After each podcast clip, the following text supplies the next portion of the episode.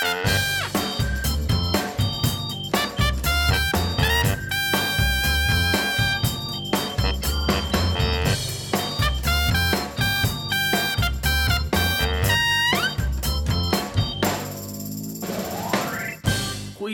goedemorgen beste luisteraar. Wat leuk dat je weer luistert naar de nieuwe SIP podcast. Met, eh, mijn naam is eh, Dick en ik zit hiernaast de onvolprezen Jeffrey Schipper. Ja, Hey absoluut. Jeffrey, Goedemorgen Dickie. hoe gaat het ermee? Ja, mijn gaat, ik, kan, ik kan beter vragen hoe het met jou gaat. Want eh, wij wilden vorige week heel graag onze SIP-podcast-luisteraars natuurlijk eh, Ja. verrassen met een nieuwe podcast. Maar dat, ging, dat feest ging niet door. Dat ging niet door inderdaad. Ja, nee, want ik was eh, geveld door een griepje. Jongen, jongen, en, jongen. ja, het geval wilde ook dat Rick net het vliegtuig had gepakt naar Amerika. ja, die zit daar, ja. Ja, die zit daar, dus dat werd een beetje lastig. En eh, ja, toen moesten we de podcast laten schieten. ja. Ja, vond je dat, eh, ging dat aan je hart?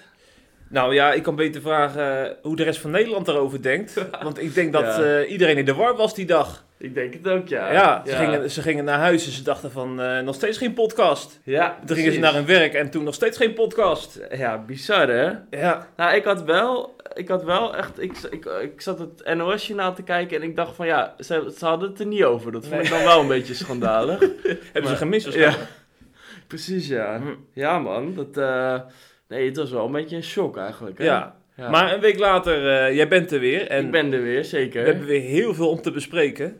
Want er is in die tijd natuurlijk best wel veel gebeurd. Ja, Zoals Asia Bibi, daar moeten we het absoluut over hebben. Daar eh, is de Nederlandse stichting heel druk mee geweest. Bijna heel christelijk Nederland heeft ervoor gebeden. precies, ja. En ook nog iets belangrijks, want eh, Henk Binnendijk is flink van leer getrokken. Oh ja. Ja. ja, die heeft ons gewaarschuwd. Die heeft ons eh, een standje gegeven. Die vermaningen gaan wij doorgeven in deze podcast. helemaal waar, ja. En we sluiten af zometeen met Thierry Baudet. Ja, Dus dat is een echte teaser. Want als de naam Baudet valt, dan heeft iedereen er wel een gedachte bij. zo is Het zij positief of negatief. Ja, Maar eerst even onze Asia Bibi. Want voor de mensen die haar niet kennen, het is een hele bijzondere vrouw. En haar verhaal begon al in 2009. Eh, want eh, toen raakte zij in gesprek met eh, moslimvrouwen. En ehm, zij weigerde water van haar aan te nemen. En op een gegeven moment zei Bibi toen... ehm, eh, ze, ze werd ervan beschuldigd dat zij onrein zou zijn, want zij is dus christen. En ja. toen zei ze tegen die moslimvrouwen: Ik geloof in mijn religie en in Jezus Christus, die voor de zonde van de mensheid aan het kruis stierf. Wat deed jullie profeet Mohammed ooit om de mensheid te redden? Nou, dat had ze dus nooit mogen zeggen, want nee. die vrouwen waren enorm beledigd. Eigenlijk had ze moeten zeggen: Ik bekeer me nu ter plekke tot Allah. Ik ga vijf keer bidden, ik doe mijn hoofddoekje op en eh, ik ren naar de moskee. Ja. Dat had ze eigenlijk moeten doen. Maar dat deed ze niet. En dus gingen ze natuurlijk stennis schoppen. En eh, ja, even later stond de politie al voor de deur. Is die vrouw in hechtenis genomen. Is ze dus eigenlijk gewoon vals beschuldigd. Ja. Want ze zou dus moment beledigd hebben. Maar ze heeft volgens mij alleen maar een vraag gesteld.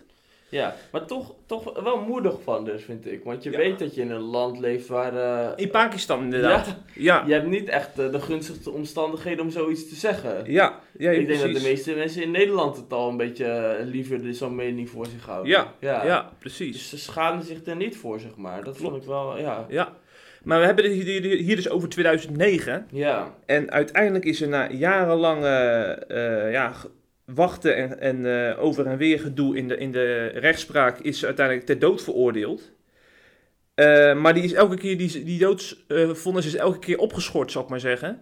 En nou is tot voor kort is eindelijk uitspraak gedaan door het Hoge Rechtshof. Nou, hoger kun je niet komen dan, dat, dan, dan, dan dit hof. Dus die uitspraak was van levensbelang, letterlijk en figuurlijk.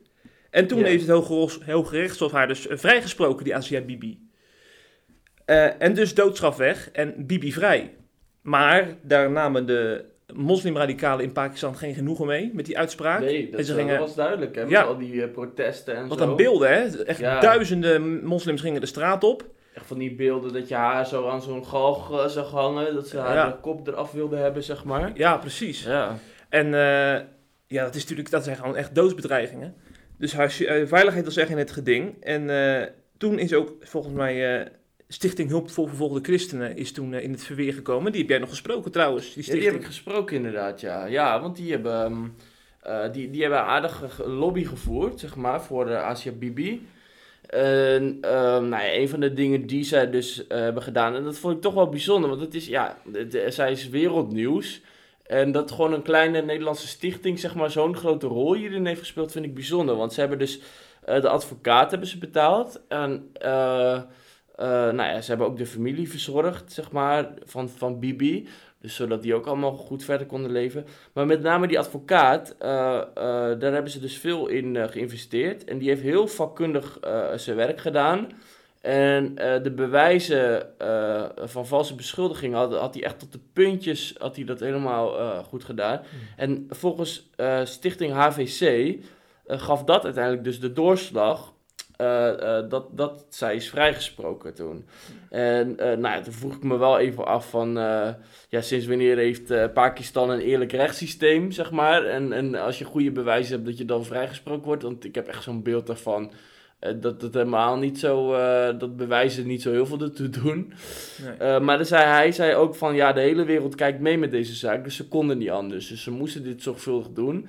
Nou, en dat heeft die advocaat optimaal benut en, en dat heeft er mede voor gezorgd dat ze vrij is gekomen. Ja, precies. Ja. En dat is dus toch mooi dat HVC daar zo'n mooie rol in heeft gespeeld. Ja, ja. Nou, bij deze complimenten voor Jan Dirk En zijn van mannen. Lifterik en zijn mannen. Ja. Ja. Zeg, nou zijn mij drie dingen opgevallen in, eh, in deze hele kwestie Asia Bibi.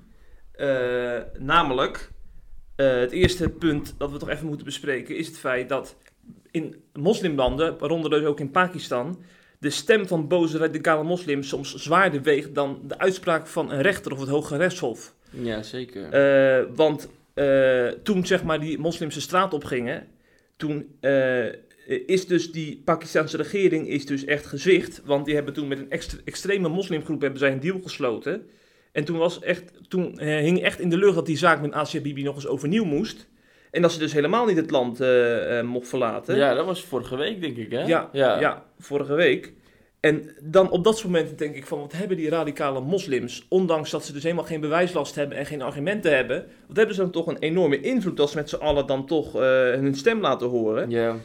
En ja, want ze waren ook het hele land aan het ontregelen, ja, zeg maar. we- wegen blokkeren, dus Ja. eigenlijk ook de, de economie van Pakistan belasten. Precies. En dan moet je eigenlijk als regering moet je wel buigen, want ja, zonder economie ga je als land gewoon eh ja, de dan kun je knoppen. beter nog zo'n eh, zo'n dame eventjes vasthouden, zeg maar. Dat Ja. zou je bijna dan eh, logisch inbrengen. Precies, Ja. ja. Dus daardoor, doordat ze die geruchten kwamen van dat die zaak overnieuw moest, werd het natuurlijk allemaal heel erg verwarrend en onduidelijk. Want iedereen ging ervan uit, iedereen had eigenlijk, er was zelfs al een dankdienst belegd door de stichting AVC, Tja, om God te danken dat ze vrij is gekomen. ja. Dus eh, heel die zaak leek zeg maar om te draaien. En ehm, eh, uiteindelijk lijkt het dan toch weer goed te komen, hè, want de laatste ontwikkelingen laten dan zien dat, eh, dat zeg maar, die Pakistanse regering haar in, het, in bescherming neemt, bewust, om, om haar veiligheid te be- beschermen, eh, om haar veiligheid te bieden. Hm. En waarschijnlijk gaat ze dan ook wel binnenkort naar een land waar ze veilig is. Ja, want ze zit daar nog, toch? in ja, ze zit nog Pakistan? steeds in Pakistan. Ja, Ja. ja. en ze heeft ook, eh, ze hebben, haar gezin heeft asiel aangevraagd in Amerika, Canada en, en Verenigd Koninkrijk. Ja. Dus waarschijnlijk gaat ze jammer dat ze landen. hierheen komen. Nou, ik denk dat het helemaal geen goed idee is dat ze hierheen komen. Oh, echt niet? Nee, want eh, in Pakistan is een, een drie, vier maanden geleden nog heel veel gedoe geweest. Omdat eh, Geert Wilders wilde een cartoonwedstrijd organiseren in de Tweede Kamer. Oh ja. Mo- over Mohammed cartoons, Ja. uiteraard. Ja. En toen is in Pakistan is toen, eh, er zijn allemaal Nederlandse vlag in de fik gestoken en zo. En eh, zeg maar werd Wilders vereenzelvigd als... eh Oké. vereenzelvigd met zeg maar heel Nederland. Alsof heel Nederland Geert Wilders stemt. Ja. Maar ja, sowieso wordt dat dan in Pakistan geframed. Ja. En dan is Nederland zeg maar de boosdoener. Mhm. Dus als, als Nederland Asia Bibi zou opvangen, dan, dan komen alle Nederlanders in dat land ook in de problemen. Want dan komen die protesten weer op gang. Ja. En, Ja, ja. en nu al zijn Nederlandse diplomaten zijn maar, zijn het land, eh, hebben het land ontvlucht vanwege doodsbedreigingen. Ja, precies. Dus eh, de- misschien is de situatie, of staat Verenigd Koninkrijk er dan beter voor? Dat is dan een gunstige land Ja, voor, vanuit dat is dan pragmatischer eh, om, Ah, ja. om dan te zeggen van, nou, ga dan alsjeblieft naar een land die niet zo gevoelig ligt in Ja. Pakistan. Ja, Precies. ja. Maar eh, om nog even bij dat eh, punt terug te keren. Dus ik denk dat eh, deze zaak dus weer eens laat zien hoe invloedrijk radicale moslims zijn. En eh, ja, dat is natuurlijk niet de eerste keer. Hè. We zien eh, al, ja, in het hele Midden-Oosten, ook in Noord-Afrika, zien we zeg maar, eh, dat radicale moslims zelfs tot in overheidsinstanties weten door te dringen. Ja. Daardoor ook de rechtspraak kunnen dwarsbomen en zo. Ja, waardoor ook christenen om zonder bewijs in, de, in de gevangenis terechtkomen. En ik, ik denk dat dit ook weer. Ook ja, dit is eigenlijk weer een, eh, een extra punt voor partijen als de PVV en Forum voor Democratie. Want zij kunnen nou weer laten zien van kijk, wij hebben toch gelijk. In, in moslimlanden eh, hebben christenen gewoon eh, geen stem. Is de radicale tak is, is daar het laatste woord. Ja. En dus is de islam inherent gewelddadig. Mhm. Ik denk dat, dat dit het gevolg is van, van deze kwestie. Dat, dat, dat zeg maar hun partijbelang hier, meer, hier weer mee gediend is. Ja, zeker. Dat, eh, en ben je het daarmee eens? Ik, of ik het met hen eens ben. Nou dat, ja, eh, dat het inherent is aan dit soort zaken? ik denk voor een, voor een deel. Dus ik, Ja. dit is, islam is zo'n eh, eh, veelzijdige grote religie dat je niet alles over één kamp kan scheren natuurlijk. Ja. Maar ik geloof wel dat, eh, dat eh, overal waar de islam de macht heeft in een land, dat daar, eh, dat daar problemen zijn. Omdat Ja. va- vaak de, de sharia die wordt vaak als eh, machtiger, en, ja, precies. machtiger gezien dan, dan de gewone normale rechtspraak. Ja. Dus, eh, maar dan kom ik bij het tweede punt. En dat is het feit dat Nederland wel het goede voorbeeld heeft gegeven. Want toen, zeg maar, toen Asia Bibi nog zo in de problemen zat, dat ze zeg maar, eh, dreigde niet weg te kunnen in dat land, toen het er nog veel slechter uitzag, toen kwamen D66, CDA en ChristenUnie kwamen toen voor haar op. eh, met de mededeling dat ze zo snel mogelijk het land uit moest en naar Nederland gehaald zou moeten worden. Ja. Maar het mooie aan deze kwestie vind ik dat D66 en ChristenUnie, twee tegenpolen, dan gewoon samen optrekken. Ja, Want blijkbaar zijn er dus waarden die, die boven het partijbelang uitstijgen. precies. Dus dat je dan zegt van, eh, ja, ik ben, ik ben dan wel seculier, ik heb niks met geloof. Maar wij komen nu voor deze Asia Bibi op, want de ge- geloofsvrijheid is in het geding. Ja. En dan, en dan, dan trekken we samen op en, eh, en verdwijnen de verschillen. Zelfs tussen D66 en ChristenUnie. En dat vind ik, vond ik toch wel een mooi Ja. hoogtepunt in deze hele Asia Bibi kwestie. Klopt. En, dat, dat, en dat, dat toont ook weer aan dat we echt blij mogen zijn met een land als Nederland. Want Ja. in, in Pakistan zal, zal het nooit gebeuren. Dat, dat moslims, seculieren en christenen de handen ineens slaan. Omdat iemand eh vanwege haar mening of, of eh, geloofsovertuiging wordt bedreigd. Ja, en D66 is wel echt eh, ook mooi inderdaad. Ja, want dat zullen... ehm, ja, het wordt natuurlijk toch vaak een beetje gezien als eh, anti-christelijk en zo. Ja. Eh, maar dit is wel een partij die vaak opkomt voor de mensenrechten, zeg maar, op, op heel veel verschillende gebieden. Ja. En nou ja, het is wel principieel van ze dat ze het ook in het geval van een christen doen. Eh, dus ik denk dat dat wel, eh, wel iets heel moois is. Zeg Ja, maar. ja. Dus dat la- laat zien dat zelfs D66 ook een goede kant heeft. Ja, absoluut. Ja, ja blijkbaar. En eh, een ander punt dat mij nog opviel in deze Asia Bibi kwestie is het feit dat, ja, dat het ook niet zwart-wit is, zeg maar. Want wij denken vaak het is christenen tegen moslims, hè? Omdat we natuurlijk ook weer die, die radicale moslims in opstand zien komen tegen Asia Bibi. Ja. Maar eh, ik geloof dus dat dat, dat de zwart-wit is. Want die advocaat van Asia Bibi, waar jij, waar jij het net over had... en die ook naar Nederland is gehaald vanwege zijn veiligheid... die is dus moslim, beleide Ja. moslim. En dat vind ik zo mooi, want eh, eh, hij kan dus blijkbaar... Hij is, deze man is in staat om zijn geloof eh, los te zien van, van zijn werk als advocaat. Mhm. Van, eh, ik moet nu gewoon naar de feiten kijken, ik moet naar de bewijslast kijken. En als er geen bewijs is, eh, dat als er onvoldoende bewijs is en deze vrouw dus in haar recht staat, dan kom ik voor haar op. En dat is, in zijn geval is dat heel bijzonder, want deze advocaat staat in Pakistan op de dodenlijst. Hij staat zelfs op de tweede plaats achter Asia Bibi. Mhm.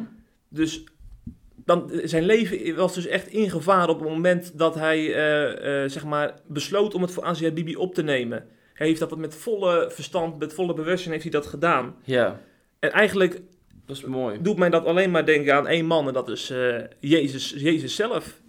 Want hij, hij is natuurlijk het ultieme voorbeeld als het gaat om zijn leven geven om, ja, om, om andere mensenlevens te redden.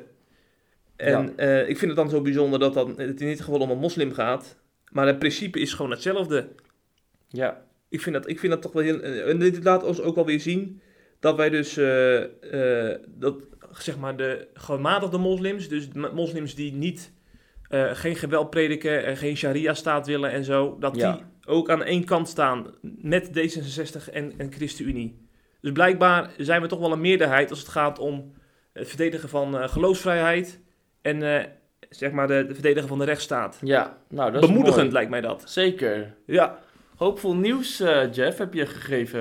ja. ja. absoluut. Ja. Ja. Maar voordat we, de posit- voordat we te positief worden, dan moeten we maar even gelijk naar Henk Binnendijk gaan. Ja, Want eh, die, moet ons, die heeft ons even met beide beentjes op de grond gezet precies, ja, namelijk. ja, ja. En Henk die eh, corrigeert wel vaker, Ja. ik het idee. Ja, ja. misschien kun jij eens vertellen wat die Henk dan gedaan heeft? Want jij hebt toch ook eh, het nodige gehoord? Eh, nou ja, eh, Henk was bij een mannenochtend in de Alblasse Waard en daar was Hans Maat ook. En Hans heeft, heeft een stukje gefilmd.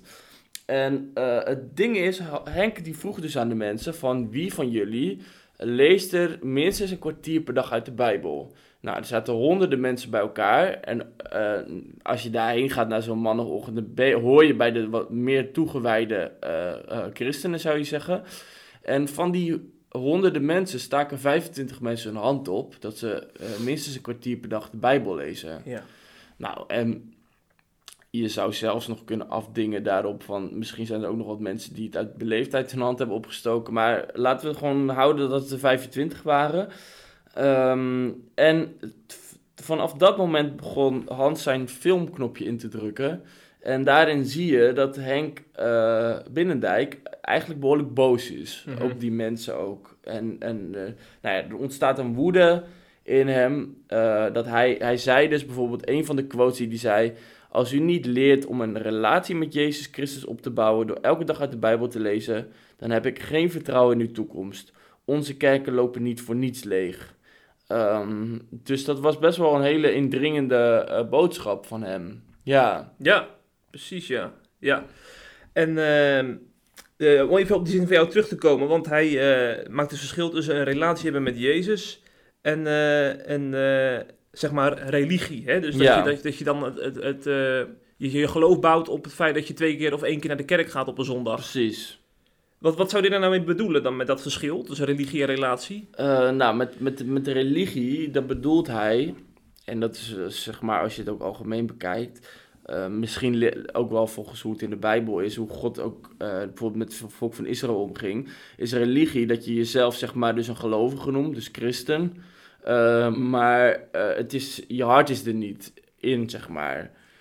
Dus bijvoorbeeld je gaat naar de kerk, maar je wordt er eigenlijk niet enthousiast van. Je, eh, nou ja, Bijbel lezen, dat, eh, je, je wordt een heel stuk blijer van een film kijken of, of Netflixen dan, eh, dan de Bijbel openen, zeg maar.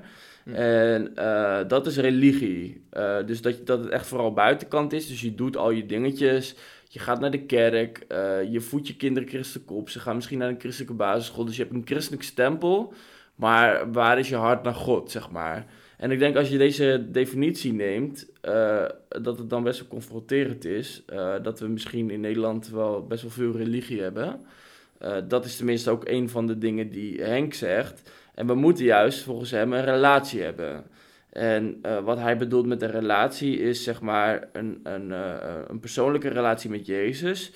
Eh, dus dat je juist wel verlangt naar Jezus en verlangt naar zijn tegenwoordigheid, eh, omdat dat voor jou eh, de beste plek is die er is, zeg maar.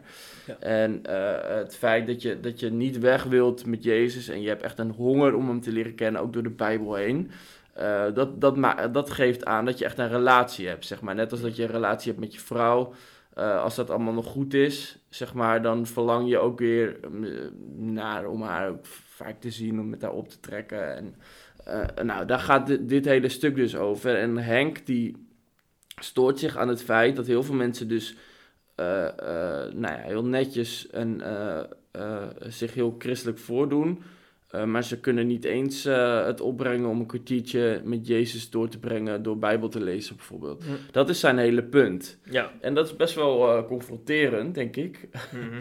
Want, eh, eh, nou ja, dat, dat, je, dat het ook voor onszelf weer is om in de spiegel te kijken van... ja, hoe vaak lezen wij de Bijbel, zeg maar, weet je? Dus dat is ook wel weer een wake-up call. Ja. En volgens mij eh, vind jij, ben jij van, van, van mening dat dat ook goed is af en toe? Ja. Een wake-up call. Ja, ja, ja, zeker. Want eh, naast het feit dat van die, van die religie en relatie wat je net vertelt, dat levert natuurlijk heel veel herkenbaarheid op. Ja. Maar inderdaad, eh, wat, wat ook denk ik, waarom het ook zoveel bekeken en gedeeld is, het filmpje van Henk, is inderdaad het feit dat, dat mensen het soms even behoefte hebben inderdaad aan iemand die, die zeg maar een christelijke schop onder de kont geeft. ja. Want ik, met nadruk, een, eh, je hebt het verschil tussen een christelijke schop en een, en een, zeg maar, een, een schop eh, die, die zeg maar gewoon op, op frustratie of ja, op, eh, precies. Eh, ja, op niks gebaseerd is. Ja. En van dat wijzende vingertje van de dominee. ja. Het, is heel, eh, het maakt nogal verschil of je doet eh, om jezelf te profileren. Ja. Of eh, eh, om, je, om je kerk hoog te houden. Ja, en of er ook bewogenheid is, Ja, zeg maar. precies. Ja, En mensen, Niet iemand die zich even komt verheffen en neerkijkt op het klootjesvolk. ja, ja. Ja. en dat, deed, dat viel me ook aan, op aan het filmpje van Henk. Van, je, hoeft, je, ho- je hoort ook echt, je kan ook een speld horen vallen als hij dan even, eh, even stopt met zijn met zijn waarschuwing. Ja, Want mannen die, die, zit- die zitten helemaal in zijn, in zijn verhaal, omdat, omdat eh, hij weet precies de juiste woorden te vinden. Ja. En ook nog eens op een bewogen manier. En ik denk dus dat dit filmpje ook heel veel bekeken en gedeeld is, omdat, eh, ja, omdat, omdat wij, wij leven toch wel een beetje in een cultuur waarin, je, waarin we toch steeds meer elkaar ja, naar de mond aan het praten zijn. En, en waarin het toch een beetje not done is geworden om, eh, ja, om ook echt mensen te vermanen, zeg maar, in het openbaar. Ja. dat moet tegenwoordig moet het allemaal één op één, want anders kwets je bijvoorbeeld de mensen in de gemeente. Mhm. En eh, ik, ik denk juist dat, eh, dat dit soort statements zoals Henk ze doet, dat dat juist nodig is ook om mensen wakker te schudden. Precies. Eh, want ik moet eerlijk zeggen, ik ben als christen, ik heb best wel eens periodes gehad waarbij ik gewoon echt slaapwandelend, bij wijze van spreken, Ja. door de kerk liep en daardoor echt de preken niet meer hoorde. Want ja, ik, ik, ik vond het allemaal wel lekker in die kerkstoel. ik dacht, ik, eh, ik, heb, ik, ik heb de Bijbel al eh, een paar keer van kaft tot kaft gelezen. Ja, En ik weet wel de relatie met Jezus inhoudt. En ik ga naar de bidstond en zo. En eh, ik doe allemaal lekker mijn ding. ja. Maar voor je het weet, dan sukkel je in slaap. En dan zit je in een automatische pilootmodus. ja, ja, ja, ja. Want, en hoe, hoe, want ik denk dat heel veel mensen dit wel herkennen ergens. Zeg maar, hoe, hoe verander je dat? Heb jij daar een, een idee bij? Eh, ja, dat is een lastige. Nou, ik denk in ieder geval, eh, je, zon- zonder, zonder iemand die even jou wakker schudt, eh, verandert er niks. Ja, maar maar goeie, of, dat ja. nou, of dat nou Henk Binnendijk is, of, of je vrouw, of, of, of God zelf door zeg maar, wat, wat je in de Bijbel leest, dat kan ook nog. Ja, Of zeker. door een of andere preek die je op YouTube hoort. Ja, het feit dat er, dat er waarschuwing en, en vermaning nodig is, dat, dat staat vol als een paal boven water. ja, precies. Want anders blijf je gewoon, zeg maar, ro- rondsudderen in je... Ja, en daarbij is het ook wel weer belangrijk, want je kan natuurlijk, eh, want we hadden het dus over relatie en religie, eh, maar je kan ook weer, eh, zeg maar, vanuit een schuldgevoel dit gaan doen, weet je? Dus dat je dan een soort van religieus fanatisme krijgt Ja. en dat je dan denkt van, oké, ik moet het nu gaan doen, dus ik ga, en je gaat heel erg ehm, eh, vanuit fanatisme, zeg maar, van ik, ik heb nu, kan nu weer afvinken, ik heb het vandaag weer gedaan. En ehm, het, het hele ding is, dan is het ook weer religie, zeg maar. Ja, precies. Eh, dus het- ik denk dat de sleutel wel is. En, en ehm, eh, zo'n boodschap kan natuurlijk ook schuldgevoel wekken, waardoor je uiteindelijk soort van religieus uiteindelijk toch weer wordt. Ehm, eh, maar zo'n schuldgevoel, of zo'n, eh, zo'n de boodschap is eigenlijk van eh, een verlangen naar God. Dat is eigenlijk echt de sleutel, zeg Ja. maar. Ja. En ehm, als je dat niet hebt, ehm, nou ja, dus, er staat genoeg tekst in de Bijbel dat je daar gewoon om kan vragen. En dat God het uiteindelijk in je hart kan geven, zeg maar. Mhm. Weet je, dus eh voel je niet meteen in paniek als, je, als dat verlangen er even niet is. Ja. Eh, Ja. Maar ik denk wel dat dat heel belangrijk is, anders, ehm, ja, anders eh, verandert er in principe niks, zeg maar. Ja, ja. Ja. En En dat heb je natuurlijk ook wel een klein beetje met, die, ehm, met dit soort preken. Eh, maar eh, ik, ik, vind heel, ik ben daar helemaal voor, hoor, want ik, denk, ik vind dat hij 100% gelijk heeft. Eh, maar je kan natuurlijk wel hebben dat mm, bepaalde mensen, en daar bedoel ik niet Henk mee, maar mensen die dan een beetje ouder worden Mhm. en een klein beetje cynischer, zeg maar, eh, overal schuldgevoelens komen zaaien. Ja. En eh, ja, alleen klagen helpt ook weer niet. Je moet ook een ver- verlangen eh, in mensen omhoog brengen, Ja. zeg maar. Ja, Ja, zeker. dat denk ik dan. Ja. Maar, ja. Ja, nou dat is wel goed ook dat je dit inbrengt, want eh, ik zag ook dat er wel wat kritiek was op, op Henk zijn boodschap. Ja. En ehm, ik denk ook dat, dat zeg maar wanneer je inderdaad, maar dat heeft heel erg zeg maar met je, met je luisterhouding te maken. Je kan, wat je zegt, kun je, je kunt op deze boodschap op twee manieren aanhoren. Je kan denken van, oh, dan moet ik inderdaad eh, elke dag een kwartier uit de Bijbel lezen. Want Henk vertelde ook bijvoorbeeld dat hij, dat hij vroeger, was het heel normaal, dat hij op, op jeugdkamp of zo, dat ze dan vier of vijf hoofdstukken uit Jeremia lazen. Ja, Want eh, daar hebben ze mensen lekker een flinke bijbelstudie Ja. gedaan. En je, dat zei hij dan ook. En dan kun je ook denken van, oh, dan, nou ga ik dat eh, vrijdag ook eens doen met de jeugd. Maar Ja. dan heb je volgens mij zijn boodschap niet goed begrepen. Want als je goed gehoord hebt inderdaad, dan begint het bij verlangen en bij Ja. relatie. precies. En dat, dat, ja, dat kun je niet eh, creëren door, door zeg maar een, een stappenplan te maken van, met, met een bijbelrooster. Ja, Dan moet je gewoon van binnenuit doen op je eigen manier die bij je past, denk ik. ja, Dus in- en een van die reaguurders heeft denk, vond ik, eh, had een van de beste opmerkingen. Dat was Marijn Beurkunk. Hij zei, met alle respect voor deze wijze broeder, ik denk dat iedere dag bijbelezen niet het geneesmiddel is. Jezus zelf is het geneesmiddel. De Bijbel is meer een supplement. En voor Jezus gaan betekent alles van deze wereld en vuilnis achten. Alles van deze wereld als vuilnis achten. De kerken hebben zich altijd in meerdere of mindere mate geconformeerd met de wereldse macht. Deze instituties zijn in zekere zin corrupt geworden. En zo zijn wij, als we zo nodig onze aardse belangen moeten verdedigen, van welke aard dan ook. De radicale bekering is nodig, als individu en als kerk. Nou, dat, dat is ik de boodschap. ja. Maar ben je het daarmee eens of niet? Ja, ja ik, ik sta er voor 100% achter. Ja? Want hij zegt natuurlijk dat, eh, dat niet bijbellezen het geneesmiddel is, maar Jezus zelf. Ja, nee, dat Daar is moeten we naartoe. zo. Ja. Bijbellezen is slechts een middel om bij Jezus uit te komen. ja, maar het is wel een belangrijk middel. Ja, zeker. Ja, want dat kan je natuurlijk Onmisbaar wel denken van... eh, zeg maar, als ik maar gewoon met Jezus tijd spendeer... dan hoef ik die hele Bijbel al- allemaal niet meer te lezen. En- Dat gaat samen volgens mij. Ja, want ik zie wel... Wat ik wel zie is een bepaalde trend... eh, dat mensen bijvoorbeeld tegenwoordig hun tijd met God is dan... voordat ze naar werk gaan, zetten ze nog even een muziekje op, weet je. Dus Ja. bijvoorbeeld een, een aanbiddingsliedje of een Sela-liedje. Of een, eh, en dan zijn ze misschien even stil of dan eh, luisteren ze dat. En dat kan echt heel goed zijn, want ik doe het zelf ook vaak. Ik, ik geloof daar absoluut 100% in. Eh, maar je hebt ook gewoon een stuk vlees nodig, weet je? Het woord, zeg maar. Ja. En ehm, ik bedoel vooral, we leven echt in een tijd dat je zoveel stemmen op je afkrijgt. En zoveel meningen, zoveel dingen eh, via, via de, de tijdgeest, zeg maar. eh, dat je het woord juist nodig hebt om, om het goed te kunnen onderscheiden. En ehm, ik denk dat ehm, als je bijvoorbeeld ook kijkt naar de tijd van Jezus, die mensen die kennen het woord echt uit hun hoofd, zeg maar. En ehm, eh, kijk, ik noem maar iets. Als een moslim met jou begint te discussiëren en die roept allerlei onzin over de Bijbel. En je kent totaal je eigen Bijbel niet, dan komt het ook een beetje raar over, zeg maar. En ehm, eh, ik denk dat als je de Bijbel leest, dat je God daardoor veel eh, beter leert kennen ook. Want, nou ja, goed, ik heb dat ook vaak gelezen, maar dat geloof ik ook in. Dat God spreekt, zeg maar, vaak door de Bijbelteksten heen. Dus bijvoorbeeld, je zit in een moeilijke situatie en ineens komt er een Bijbeltekst in je omhoog. Zo kan God Ja. heel goed vaak spreken. Maar als jij je Bijbel niet kent, hoe kan God dan door Bijbelteksten heen spreken? Klopt. Eh, dus ik denk dat we met z'n allen eh, tot, als conclusie, eh, dat, dat we ook best wel mogen inzien dat het best triest is. Dat van zo'n grote groep mannen er maar 25, 25 zijn die maar een kwartier per dag de Bijbel lezen. Eigenlijk is dat gewoon erg. Dus dan kunnen we ons aansluiten bij Henk. En ik denk dat we met, met z'n allen de lat ook wel gewoon wat hoger mogen leggen. En eh, ik heb het eigenlijk voor mezelf heb ik het ook wel te harte genomen. En ik heb ook. ehm, eh, en ik doe het echt vanuit verlangen. Dus ik, de, dus ik wil het echt niet vanuit een idee van. Oh, dan heb ik weer een checklist gedaan. Maar ik wil gewoon. Dus ik heb mezelf echt doelen gesteld. En ik denk dat het ook helemaal niet zo slecht is. Weet je, we kunnen ook eh, misschien.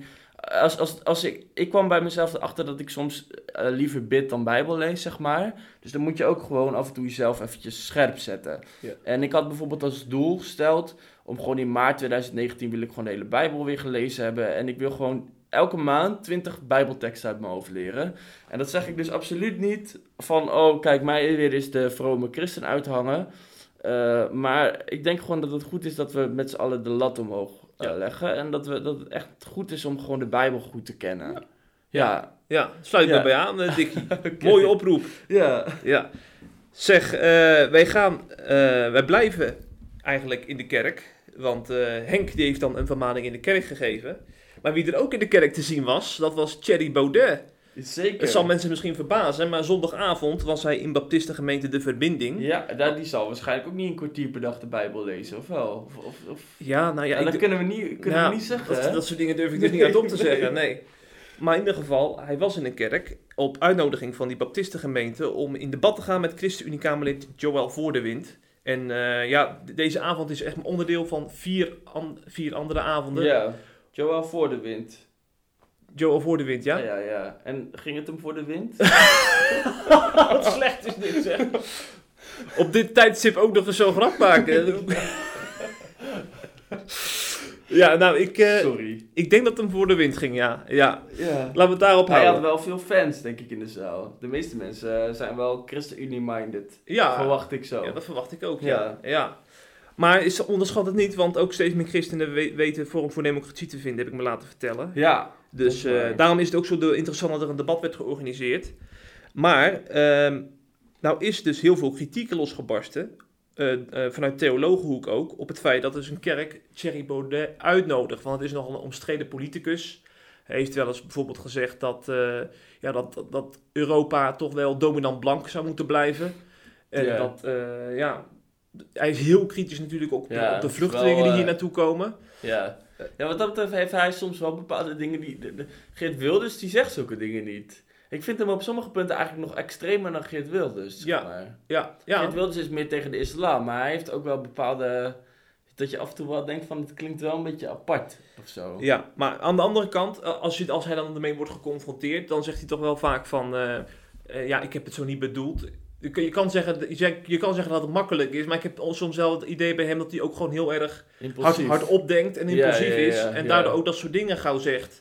Terwijl, ja, terwijl, Eigenlijk ook gewoon een beetje, beetje loslippig. ja, precies. niet, dat, zie, niet zo slim eigenlijk. dat zie je ook in debatten, dat hij hij, is dan, wel slim hoor, maar ja. dat hij dan dingen zegt en dat hij dan eigenlijk dat even voor zich had moeten houden. Ja, Maar goed, eh desalniettemin geloof ik dat eh, deze kerk er verstandig aan heeft gedaan door Baudet, of Baudet uit te nodigen. Waarom? Eh, ik geloof dat, eh, dat je als christen uiteindelijk iedereen welkom zou moeten heten in de kerk. En Jezus is daarin ook weer het grote voorbeeld. Hè? Want hij ging in gesprek met tollenaars en, en met, eh, met prostituees. ja. Volgens mij ging hij zelfs eten bij tollenaars. En zeker in, in zo'n eetcultuur als het Midden-Oosten is het echt heel erg nat dan om, om met zo iemand te eten. Fariseeën die kwamen niet voor niks doen toen in het verweer. ja. En ik, ik ben er echt van overtuigd dat, dat je echt hele goede argumenten moet hebben om iemand niet in je kerk toe te laten. Dus bijvoorbeeld iemand die, die eh, doodsbedreigingen stuurt naar je, naar je ouderlingen of zo. Ja, dan, dan kan ik me voorstellen van eh, laat die maar even thuis. Precies. Maar eh, ik, vind het nogal, ik vind het nogal wat als je dus als theologe, dan dat is dus gebeurd, een statement maakt op een website. En dan duidelijk maakt dat je echt deze man niet in je kerk moet binnenlaten. En dat je beter verbinding kan zoeken met andere soort mensen, zoals vluchtelingen. Ja, precies. Ja, en dan zegt eh, een van de dingen die zij ook bijvoorbeeld zei, zoals Janneke Stegeman, eh, zegt ook van dat ze, eh nou ja, dat ze Baudet's cultuur, christendom racistisch vindt, zeg maar. En dan zegt ze ook, de kerk is niet de plek waar alle meningen gelijk zijn, maar de plek waar we zoeken naar de gerechtigheid in navolging van Jezus. Maar ehm, eh, ja, dat is wel een leuk argument, maar eh, ja, dat is wel een hele nauwe interpretatie. Dat je dan Baudet niet mag uitnodigen. Ik bedoel, zij is zelf heel dik met mensen als Sylvana Simons. En, eh, nou ja, goed. ehm, daar, daar zijn toch ook een heleboel dingen voor heel veel christenen op af te dingen. Ik bedoel, kijk, eh, misschien is het een beetje cliché om te zeggen. Maar ik bedoel, zij is ook een enorme voorvechter van abortus. Hmm. En allerlei dingen die eh, ook niet heel veel te maken hebben met de gerechtigheid in navolging van Jezus. Tenminste, voor die kinderen is eh, die, die ongeboren levens is niet echt gerechtigheid. Eh, dus dan denk ik ook wel weer van ja, leuk dat je dat zegt, maar het is gewoon je eigen politieke voorkeur en dan ga je dat soort van in een theologie proberen te gieten. Ja, daar komt het op Ja, neer. ja, Ja, ja. dat vind ik een beetje slap eigenlijk. Ja, want als er dan iemand van GroenLinks eh, in zo'n kerk komt, dan, dan gaat ze, dan, waarschijnlijk gaat ze een applaus geven. Ja, dan, want dat is dan eh, wel het goede geluid. Ja, inderdaad. ja. Ja, en ik, denk, ik vraag me ook af hoor, of hun beeld van Jezus als, eh, als de grote milieufreak met fairtrade jassen aan. Of dat, eh, dat zal, het zal, ik geloof echt dat het belangrijk is, weet je, dat dat echt een onderdeel is van wie Jezus is. Maar het is misschien wel een klein beetje beperkt. Ja, Ja. ja. maar het, het is ook een beetje hypocriet. Want eh, deze mensen die zijn echt heel erg van eh, de verbinding zoeken en dialoog zoeken. Maar als het puntje dan bij paaltje komt, dan zeggen ze van... maar deze, met deze mensen zoeken we geen verbinding. Dus we verbinden ons met iedereen. Maar Ja. behalve dan toch met, eh ja, met eh 30% van Nederland. Want, Ja. want dat is zeg maar de groep die op PVV en Forum voor Democratie eh, stemt. Dat is best een grote groep geworden in Ja, Nederland. man. Ja. En die schuif je dan gewoon even allemaal aan de kant. Klopt, ja. Maar ik heb alleen niet echt heel erg de indruk dat, dat heel christelijk Nederland nou achter haar standpunten aanloopt. Nee, maar dat is dus wel een beetje dat verhaal van, zeg maar, eh, de, de, de theologen des vaderlands. Want Ja, zijn ook ze zijn echt losges, totaal losgeweekt van de normale bevolking. Ja, ik denk dat je zeg maar, eh, men- mensen die zeg maar, in de theologenwereld eh, vaak een podium krijgen in de media, dat die eh, een soort van eh, elite vormen, die zeg maar eh, niet echt in verbinding staan met de gemiddelde kerkganger in Nederland. Want de, theologen die je vaak bij Radio 1 en op de NOS ziet, voorbij ziet komen, dat zijn heel vaak zijn dat toch wel progressieve mensen. Die juist, die juist worden uitgenodigd, omdat zij vaak natuurlijk hetzelfde denken zoals ze bij de, eh, bij de NOS op de Ja, redactie hoe, denken. hoe progressiever, hoe liever. Ja, Ja. dus conservatieve theologen, wat er, die er ook heel veel zijn, conservatieve denkers in Nederland, die krijgen daardoor minder een podium. En daardoor Ja. ontstaat er een scheef beeld over, Precies, over hoe theologen en christenen denken, denk ik. Dat is wel gevaarlijk. Maar nog even een ander punt. Want ehm, eh, ik, volgens mij is het ook helemaal niet verstandig om je als theoloog... Want, want Janneke Stegeman, daar wees je net op. Ja, we gaan inderdaad. Eh, Janneke Stegeman wees je net op. Die, ehm, eh, die profileert zich inderdaad nogal vaak ook op politieke terreinen. Volgens mij moet je er überhaupt als theoloog voorzichtig mee zijn. Want je, bent, je wordt toch als vertegenwoordiger van de kerk gezien door Ja. buitenstaanders. En, ehm, en ja, daardoor geef je denk ik een verkeerd signaal af. Als, Ja. als, eh, want je, als vertegenwoordiger van de kerk, hoewel je het natuurlijk op papier niet bent, want als theoloog kun je gewoon zelfstandig zijn. Mhm. Maar dan moet je toch rekening houden met het feit dat, dat mensen daardoor een, een, een, een eenzijdig beeld van, eh, van zeg maar, het geloof krijgen. Ja, Dus het lijkt me goed om je dan ook eh, wat meer neutraal op te stellen op, op dit soort terreinen als je zo'n belangrijke positie hebt. ja Lijkt in mij. Principe, ja, in principe is dat wel. Aan de andere kant heb je natuurlijk ook wel heel veel dominees die zich dan weer uitspreken voor Trump bijvoorbeeld. Eh, Ja, is dat zo? ja, in Amerika vooral. Ja, ja, ja. Ja, in Amerika heeft bijna elke, elke pastor uit wel zijn mening over de politiek. Ja. En je zag bijvoorbeeld bij Jezus ook wel dat hij, of bij Johannes de Doper, dat hij bijvoorbeeld ook wel een mening had over Herodes. Mhm. En dat heeft uiteindelijk zelfs zijn kop gekost. Eh, dus ik denk wel dat het, wel, dat het op zich wel kan. Maar eh, ja, ik, ik denk dat op zich wel. Maar ik snap wel jouw punt, ja. Dat, het, eh, dat je er wel voorzichtig mee moet zijn. Ja. Ja. Ja. Misschien ook dat als afsluiting nog even opnemen voor deze theologen. Dat het soms ook wel verstandig kan zijn om mensen als Baudet niet uit te nodigen. Ja. Bijvoorbeeld eh, eh, als het. eh, als er bijvoorbeeld, als je het belang van, van je eigen kerk of zo, of je imago zo belangrijk is, dat daardoor je boodschap in het geding komt, als, Ja. als je Baudet uitnodigt, dan kan je wel eens overwegen van, nou, misschien moet het toch een andere politicus doen. ja, precies. Maar dat, dat, dat moet je denk ik echt per geval bekijken. Want we- ik weet helemaal niet eh, hoe, ja, hoe er in die kerk van, eh, van de verbinding wordt gedacht. En of, de, of die groep veelzijdig is, ja of nee. En of er rumoer kan ontstaan, ja of nee, als je Baudet uitnodigt. Ja, Dus ik, denk- ik denk dat, eh dat Johan Boertjens, de voorganger, daar ook wel daarin zo wijs is dat hij zelf keuzes kan maken. En Ja. hij heeft gewoon voor deze beslissing genomen.